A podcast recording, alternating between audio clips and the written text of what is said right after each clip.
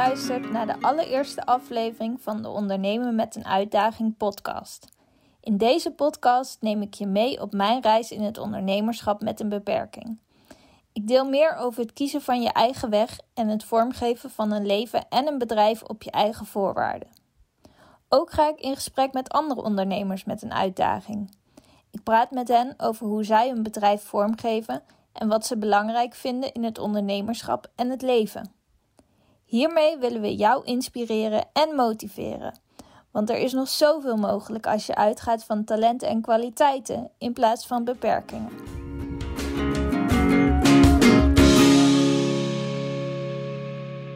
Vandaag wil ik je graag meenemen in mijn verhaal en waarom ik deze podcast eigenlijk begonnen ben. Laten we allereerst teruggaan naar 2003. Want dat was het jaar dat mijn leven eigenlijk totaal veranderde. Ik kreeg op 11-jarige leeftijd op 1 september 2003 de diagnose kinderkanker. Een hersentumor, een pilocytair astrocytoom bij de kleine hersenen en de hersenstam. Het heeft uiteindelijk best wel een tijdje geduurd voor deze diagnose werd gesteld. En we liepen in en uit bij de huisarts, maar die wuifde het elke keer een beetje weg. De eerste keer was het ehm, omdat we net verhuisd waren, dat ik daardoor veel stress ervoer. En ehm, daarna was het dat ik zenuwachtig was voor groep 8. En op een gegeven moment heeft mijn moeder gezegd: Nou, weet je, uh, dit gaat zo niet langer. Er gaan zoveel dingen mis en dit is zo niet hoe en wie ze altijd was. Dat uh, mijn moeder een afspraak heeft gemaakt bij de kinderarts.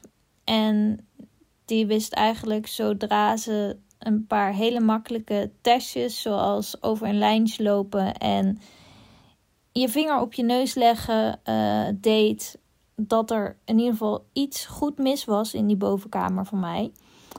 Uh, want ik leek wel dronken. Kon niet eens meer recht over een lijntje lopen. En uh, mijn vinger belandde niet op mijn neus, maar op mijn schouder. Dus daar, daar ging iets niet helemaal lekker. En er werd een spoed-MRI gemaakt. En nou ja, de uitslag uh, was dus niet goed. En ik bleek kanker te hebben. En een uur later zat ik in de ambulance richting Nijmegen. Daar heb ik uh, een maand in het ziekenhuis gelegen. Ik heb twee operaties gehad. Ik heb een week op de intensive care gelegen. Daarna op 24 september, misschien sommige mensen die mij al wat langer op Instagram volgen, weten dat 24 september altijd mijn cancerversary is. En um, sommige mensen die vieren hun cancerversary op de datum dat ze uh, genezen verklaard zijn. En ik vier mijn cancerversary op de dag dat ik na een maand uit het ziekenhuis werd ontslagen en naar huis mocht. Dat is voor mij altijd een, nog een hele speciale dag gebleven. En um, ja, voelde als de start van iets nieuws. Ondanks dat we na drie maanden het nieuws kregen dat de tumor terug was. En niet een beetje, maar bijna gewoon volledig zo groot was als het stuk dat ze hadden weggehaald. En daarvoor heb ik toen bestraling gehad. En dat zorgde er ook eigenlijk voor dat ik weer helemaal opnieuw kon beginnen met revalideren. Want toen ik uit het ziekenhuis kwam, had ik natuurlijk uh, al fysio in het ziekenhuis. En dat ging door toen ik thuis was. Um, ik zat in een rolstoel. Ik moest na de operatie en de IC alles opnieuw leren. En eigenlijk had ik het weer een beetje op de rit. Tot we het nieuws kregen dat de tumor weer terug was. En er dus voor vervolgbehandelingen um, nodig waren. En die hadden weer heel veel impact op mijn lichaam en hoe het met mij ging, waardoor ik weer in een rolstoel belandde. En um, eigenlijk weer van vooraf aan kon beginnen. Maar gelukkig heeft de bestraling wel zijn werk gedaan en is de tumor gaan krimpen. Tot er nu, inmiddels 18 jaar later, alleen nog twee witte streepjes te zien zijn op de scans. En deze streepjes zijn ook al 8 jaar stabiel. Wat ervoor zorgt dat artsen denken dat het littekenweefsel is van de operatie en de bestraling. Ehm, wat zou betekenen dat ik dus tumorvrij ben. En dat is natuurlijk heel mooi. 100% zeker kunnen we het niet zeggen, omdat ze natuurlijk niet precies weten welk weefsel er in mijn hoofd zitten zonder dat open te maken. En ja, je begrijpt dat ik daar niet heel veel behoefte aan heb als de nood niet aan de man is. Dus ik blijf voorlopig uh, nog onder controle. Ik heb inmiddels één keer in de drie jaar een controle in het UMC Utrecht. En ja, dat gaat eigenlijk uh, qua gezondheid gaat het uh, gelukkig heel goed met mij. En ja, je zult je misschien afvragen hoe ik dan in hemelsnaam bij deze podcast ben beland of hoe ik uh, ben gaan ondernemen. Nou, dat zal ik je vertellen. Eigenlijk tijdens de middelbare school is het voor mij een hele zoektocht geweest wie ik nu eigenlijk was um, in deze nieuwe hoedanigheid. En dat klinkt misschien raar, maar toen ik ziek werd, of eigenlijk voordat ik ziek werd, ja, was ik gewoon een jong meisje dat altijd op de handen stond en op de kop aan het klimrek hing. En af en toe ook heel boos kon zijn, maar uh, vooral plezier had in het leven. En na de diagnose en de behandelingen kon ik niet meer turnen. Ik kon niet meer goed paardrijden. Ik zat voor ik ziek werd op de circusschool. Dat kon ik ook niet meer goed. Omdat ik door de operatie en de bestralingen chronische vermoeidheid heb gekregen. En ik heb evenwichtsproblemen. Ik heb concentratie- en geheugenproblemen. Ik heb een tremor in mijn rechterhand. En mijn rechteroog is ook niet meer wat het geweest is. En dat had er, ja, dat zorgde er eigenlijk voor dat ik um, toen ik weer thuis was en toen de bestraling afgelopen was, um, dat ik heel erg moest zoeken naar wie ik nou eigenlijk was na het ziek zijn en überhaupt met de ziektegeschiedenis. En dat heeft echt nog wel een tijdje geduurd. En ik heb ook nog wel uh, best een tijd fysiotherapie gehad en ergotherapie. Dat me hielp om dingen opnieuw te leren. Of bijvoorbeeld door de tremor in mijn rechterhand kan ik sommige dingen minder goed. En nog steeds, 18 jaar later, kan ik nog steeds heel lastig schrijven. En kan ik uh, bijvoorbeeld als, als, als ik een koffiekopje met rechts vasthoud, dan is de kans heel groot dat de koffie binnen no time over de grond ligt. Omdat ja, door de tremor is de aansturing van de spieren in mijn hand uh, gaat door mijn hersenen niet heel erg goed. En daardoor kan het soms wel zijn dat die trilt of dat, nou ja, dat er ineens iets gebeurt waardoor dus alle koffie over de grond ligt.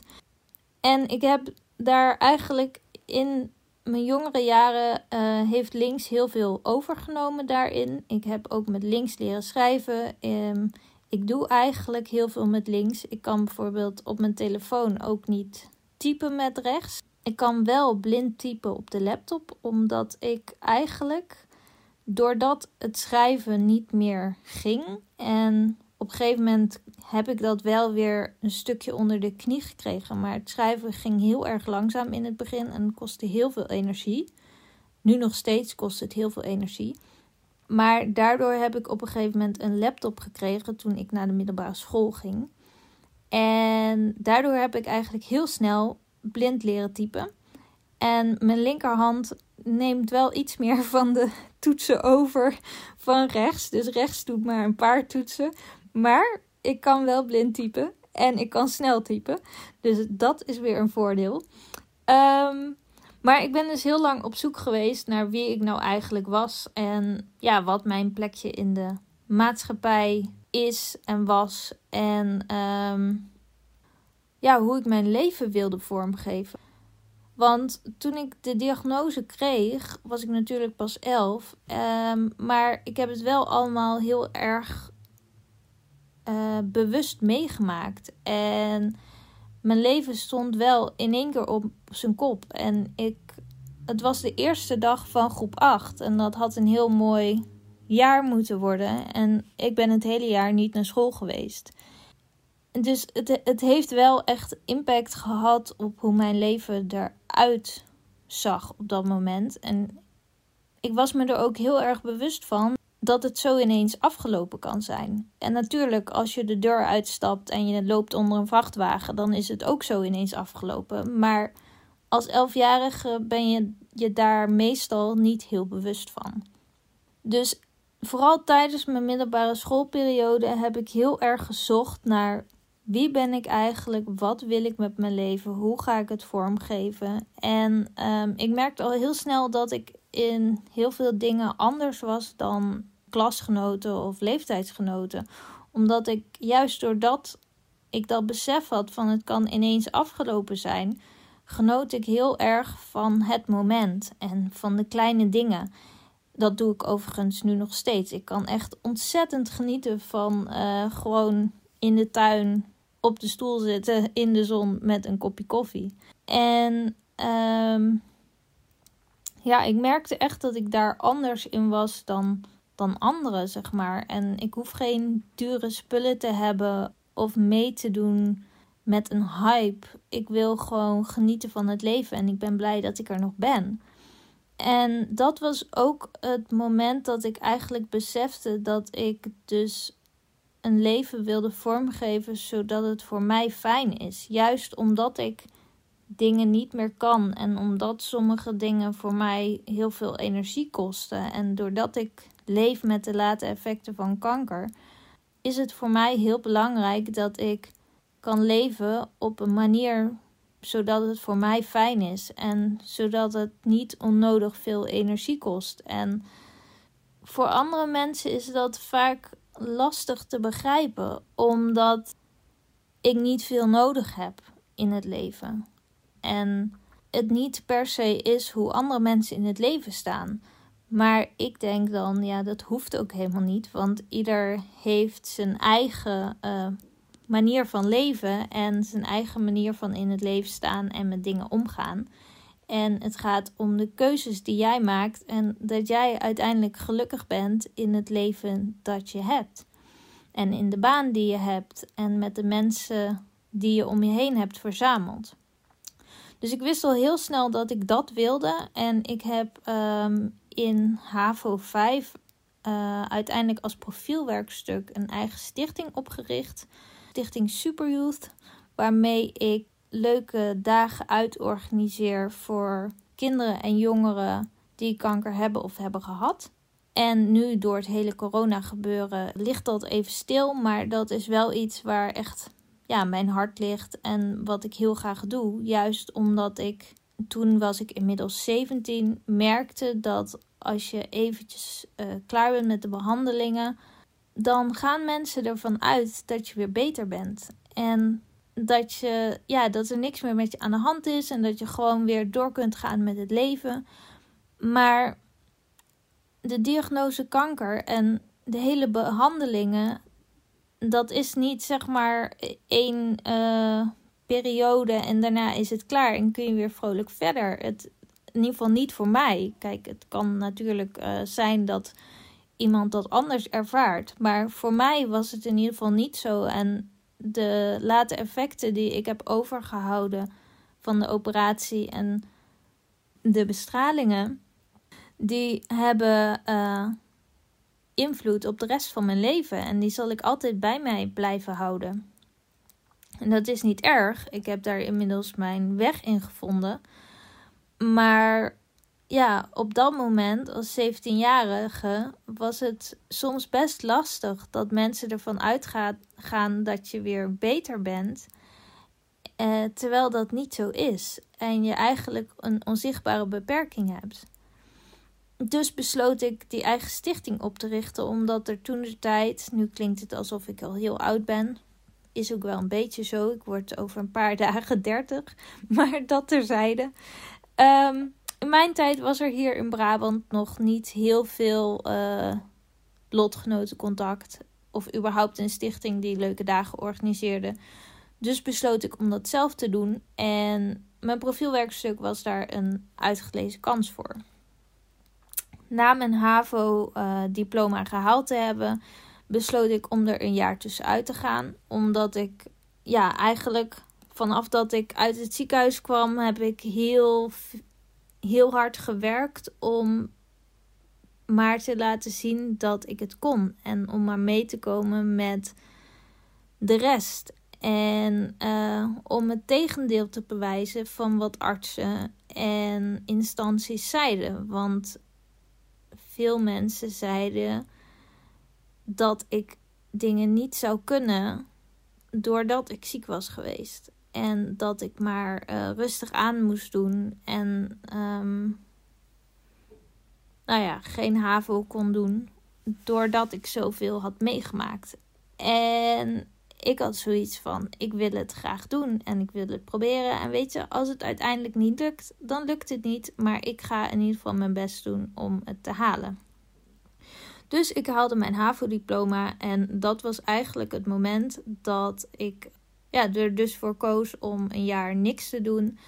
Een jaar vrij te nemen. Vrij te nemen om op te laden. Om uit te zoeken wat ik verder wilde doen. Ik wist nog niet wat ik wilde gaan studeren. En toen heb ik besloten om naar Amerika te gaan. Ik had al vanaf dat ik een heel klein meisje was het idee dat ik ooit een keer kerst wilde vieren in Amerika. Je kent vast die kerstfilms wel. Met zo'n enorme boom, heel veel cadeautjes eronder, sneeuw op de straten, heel veel gezelligheid. En um, ja, dat wilde ik gewoon een keer meemaken. En toen de tijd had ik het geluk dat de beste vriendin van mijn moeder met haar zoontje en man in Amerika woonde. Dus daar ben ik naartoe gegaan en daar ben ik eigenlijk drie maanden gebleven. En vanuit daar heb ik heel veel leuke dingen gedaan. Ik heb kerst gevierd met een hele grote boom, heel veel cadeautjes. Wel zonder sneeuw, want het was in San Francisco en daar uh, ja, is het gewoon heerlijk weer. Maar het was echt de tijd van mijn leven. En uh, ik heb er heel veel goede herinneringen aan. Ik ben daar ook 18 geworden. En ik kreeg van hun een heel weekend naar Disneyland cadeau. Dat was echt ja, je had mij toen niet blijer kunnen maken. Nu overigens ook niet, want ik hou van Disney. Maar dat was echt het perfecte cadeau en ik heb onwijs genoten. En eigenlijk in die periode ben ik er nog meer achter gekomen wat ik wilde. En heb ik mezelf ook nog beter leren kennen, omdat dat het eerste moment was waarop ik dingen kon ondernemen zonder dat mijn ouders altijd over mijn schouder meekeken. Of het wel goed ging, of ik het wel goed deed, of ik het wel aankon. Ik kon zelf op dat moment mijn grenzen verkennen en nou ja, dingen ondernemen. Ik was in een ander land. En natuurlijk was ik bij die vriendin van mijn moeder, maar zij lieten mij heel vrij in de dingen die ik uh, wilde doen. Uh, het enige wat ik niet heb kunnen doen in die periode was uh, overnachten in een national park. Omdat ik dat in mijn eentje zou moeten doen. En um, ze zei: Als ik je alleen daar naartoe laat gaan en daar in een tent laat slapen en er gebeurt iets, dan geeft, vergeeft je moeder het me nooit. Dus dat heb ik niet gedaan. Maar ik heb wel heel veel andere dingen alleen ondernomen. En we hebben ook heel veel dingen samen ondernomen. Dat was echt onwijs leuk. En inmiddels wonen ze, ja, het is nu, uh, nu zijn we al heel veel jaar verder. Maar inmiddels wonen ze in Nederland.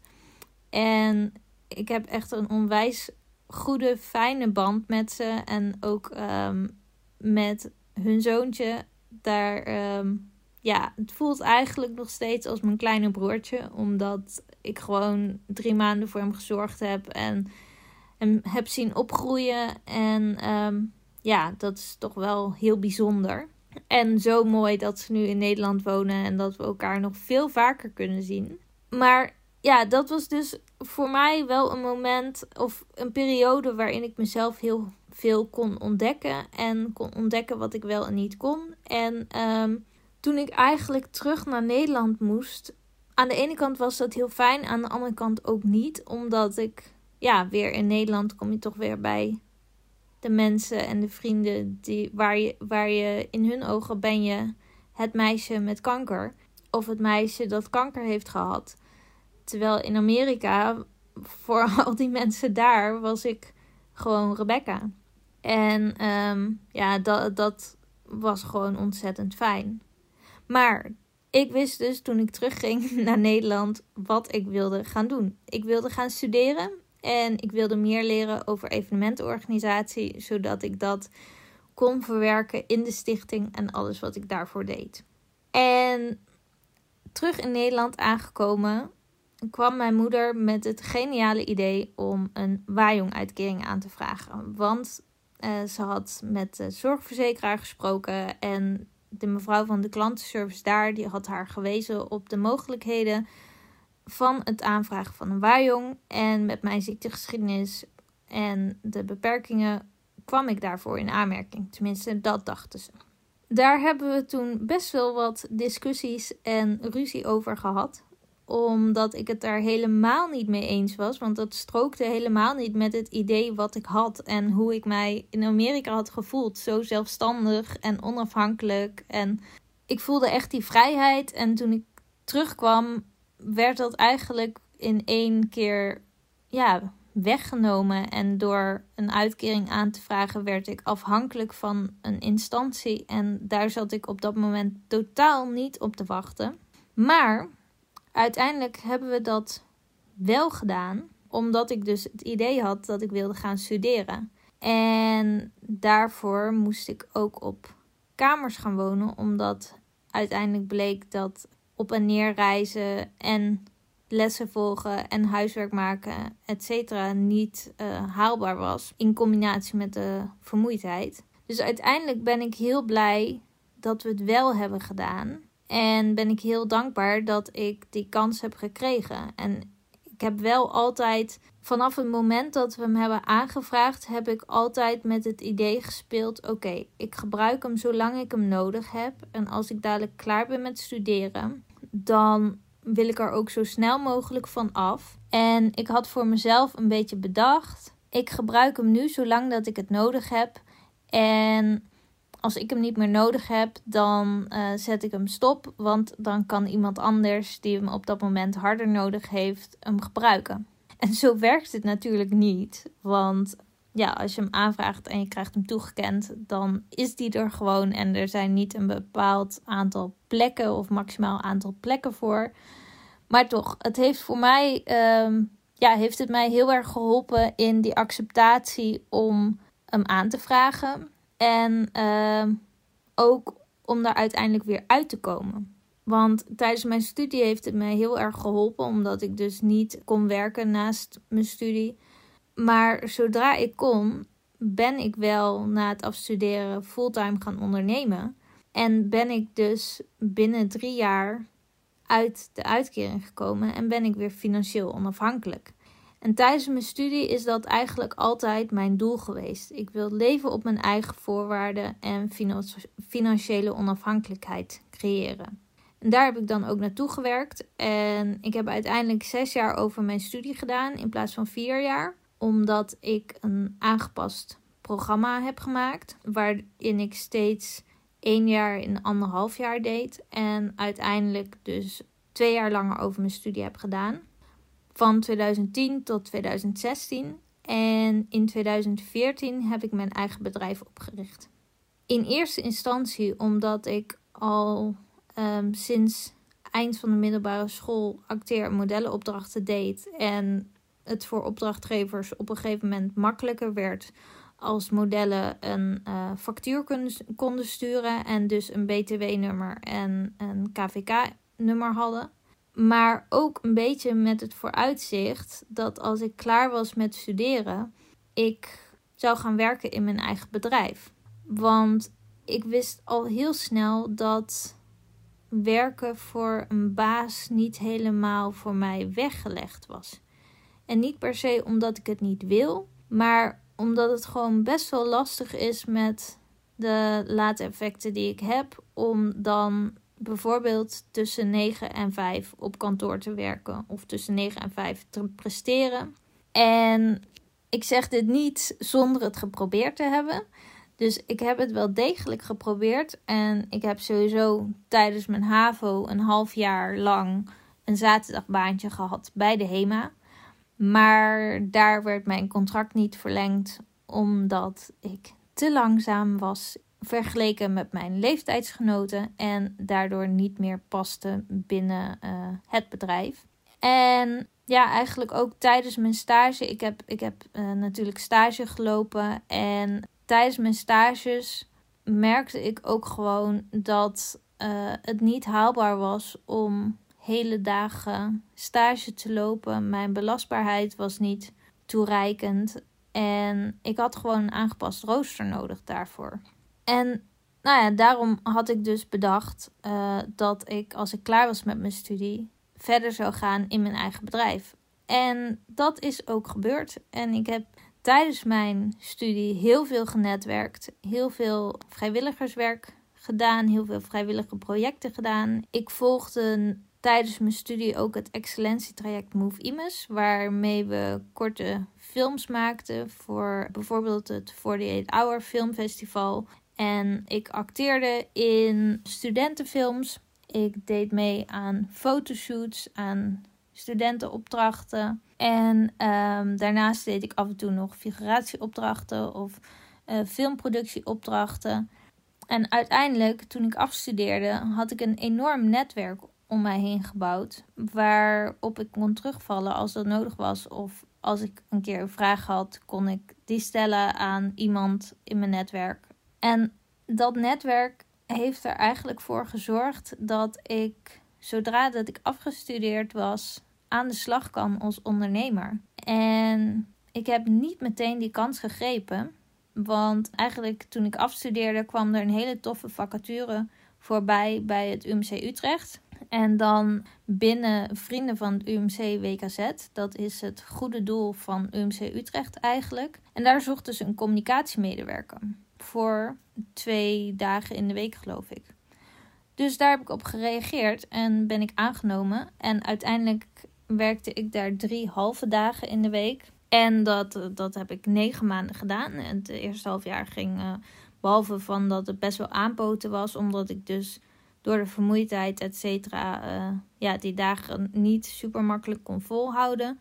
Um, waren ze heel tevreden en kreeg ik verlenging. En um, na drie maanden verlenging kwamen ze eigenlijk op een punt dat het uh, hele team opnieuw werd ingedeeld. En er gingen me mensen weg en er kwamen mensen bij. En toen hebben we samen besloten dat uh, mijn contract niet verlengd zou worden. En toen kwam ik op het punt dat ik heb besloten om fulltime te gaan ondernemen. En dat doe ik nog steeds. Ik zeg fulltime ondernemen, maar het is, uh, het is wel fulltime ondernemen, maar het is parttime werken. Voor mij in ieder geval. Ik werk 12 tot 16 uur in de week voor opdrachtgevers en ongeveer 4, 5 uur eh, per week aan eigen projecten. Zoals bijvoorbeeld deze podcast of mijn website, mijn blog. Ik heb deze zomer een e-book geschreven over het creëren van een leven op je eigen voorwaarden en financiële onafhankelijkheid.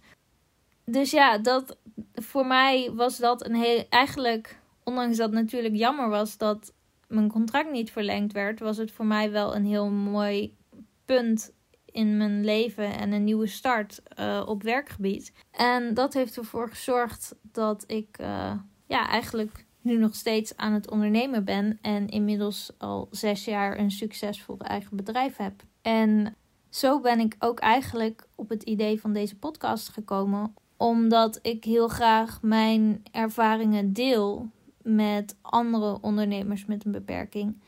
Um, dat ik heel graag in gesprek ga met andere ondernemers die een uitdaging hebben en benieuwd ben naar hun ervaringen, hoe zij dingen doen, wat voor hun werkt, um, wat hun dromen en doelen zijn en hoe zij het leven vormgeven zodat het voor hun fijn is. En dat vind ik, ja, ik vind dat heel mooi om van andere mensen te leren, maar ook iets aan hen mee te geven of mijn ervaringen te delen en tips te delen, uh, hoe ik dingen heb gedaan. En het was niet altijd makkelijk en vooral mijn middelbare school en studietijd waren uh, niet altijd makkelijk. Het was heel veel strijd en ik heb echt uh, meerdere keren op het punt gestaan om te stoppen. Maar ik ben heel blij dat ik ben doorgegaan en dat ik ja, uiteindelijk daar naartoe heb kunnen werken. Dat ik een leven op mijn eigen voorwaarden heb kunnen vormgeven. En eigenlijk nog steeds verder aan het vormgeven ben. Want ik denk dat dat nooit klaar is. En dat je altijd wel een beetje kunt tweaken en aanpassingen kunt doen. Zodat het nog meer naar je wensen is. En het belangrijkste voor mij is dat ik mij fijn voel in het leven dat ik nu heb. En dat ik kan doen wat ik leuk vind. Wanneer ik dat wil, wanneer het voor mij goed voelt. En dat niemand bepaalt hoe ik dat doe. En um, ja, dat, dat gun ik iedereen. En dat ik dit uiteindelijk heb kunnen doen, dat, daar heb ik natuurlijk heel hard voor gewerkt de afgelopen jaren. En zal ik de komende jaren ook nog steeds heel hard voor blijven werken. Um, en ik denk dat het ook wel goed is om te zeggen dat dit niet, uh, niets te maken heeft met heel veel geld verdienen. Want sommige mensen die denken dat um, als je een eigen bedrijf hebt of als je online dingen doet, dat je dan heel veel geld verdient. Ik niet. Bij mij is dat in ieder geval niet zo. En ik denk vooral dat het um, te maken heeft met welke keuzes je maakt in het leven en wat jij belangrijk vindt. En ik vind heel veel geld hebben niet per se belangrijk. En geld maakt ook zeker niet gelukkig in mijn ogen. Het is natuurlijk wel fijn om te hebben, want je wilt ook eten op tafel zetten en je wilt je huur kunnen betalen. Maar um, ja, ik hoef daarvoor geen 10.000 euro per maand om te zetten. En ik kan prima rondkomen met uh, eh, 1300 euro per maand of misschien 1500 euro per maand. En daarvan de dingen doen die ik graag wil doen. Dus um, ja, ik wil je heel graag meegeven dat het creëren van een leven op je eigen voorwaarden niet per se te maken heeft met geld, maar vooral met hoe jij in het leven staat en wat jij belangrijk vindt in het leven. En welke keuzes je maakt, welke prioriteiten je stelt. En als dat voor jou goed voelt, dan is het goed. En of je daar nou 1000 euro voor moet verdienen of 3000 euro, ja, natuurlijk zit daar een verschil in. En natuurlijk hangt het af van hoeveel je kan werken en hoeveel je bijvoorbeeld per uur vraagt. Of je dat kan omzetten. Maar de essentie is dat je daar uiteindelijk komt door de keuzes die je maakt en de prioriteiten die je stelt. En als je doet wat voor jou goed voelt en als je je eigen pad volgt, dan kom je uiteindelijk wel waar je wezen moet. Daar ben ik van overtuigd. En dat klinkt misschien een beetje zweverig. Ik ben totaal niet zweverig, tenminste volgens mij niet. Maar ja, soms is het wel, vind ik het wel belangrijk om dit soort dingen te zeggen. Omdat er, er wordt zo vaak tegen mensen die een beperking hebben of een uitdaging ervaren in het leven gezegd dat ze iets niet kunnen of er wordt afgeraden om iets te doen omdat ze een bepaalde uitdaging hebben. En dat is zo zonde, want ieder mens met of geen uitdaging heeft zijn eigen talenten en kwaliteiten. En ik ben ervan overtuigd dat ieder mens iets moois aan deze wereld, wereld kan toevoegen.